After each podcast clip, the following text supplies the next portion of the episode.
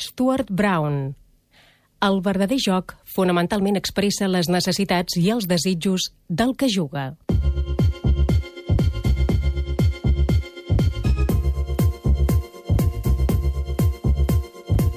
Des de molt petits, els nens van aprenent a través dels jocs. Els jocs s'han considerat com una activitat fora de classe. I ja fa més de 12 o 13 o 14 anys jo mateix vaig tenir l'atreviment de ficar jocs a dins la docència universitària en un moment en què han passat moltes coses des d'aleshores. I jo mateix a vegades me sentia una mica incòmode. Però en els darrers anys s'han produït una sèrie de fets que penso que val la pena comentar.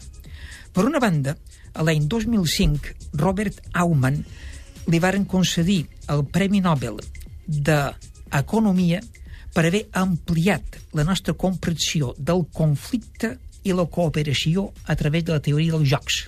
Per tant, fixeu-vos, el conflicte, treballar el conflicte a través del joc, a través de la simulació, és una manera d'aprendre a resoldre conflictes.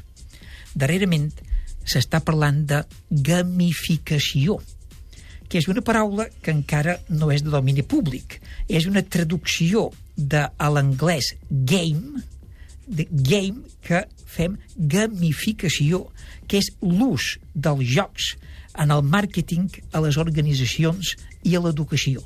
I probablement de cara en el futur s'anirà desenvolupant molt aquesta proposta que gamificació vol dir el joc a dins altres contextos que no eren propis del joc, sinó la professió, l'educació, les organitzacions, etc, com a tècnica d'aprenentatge.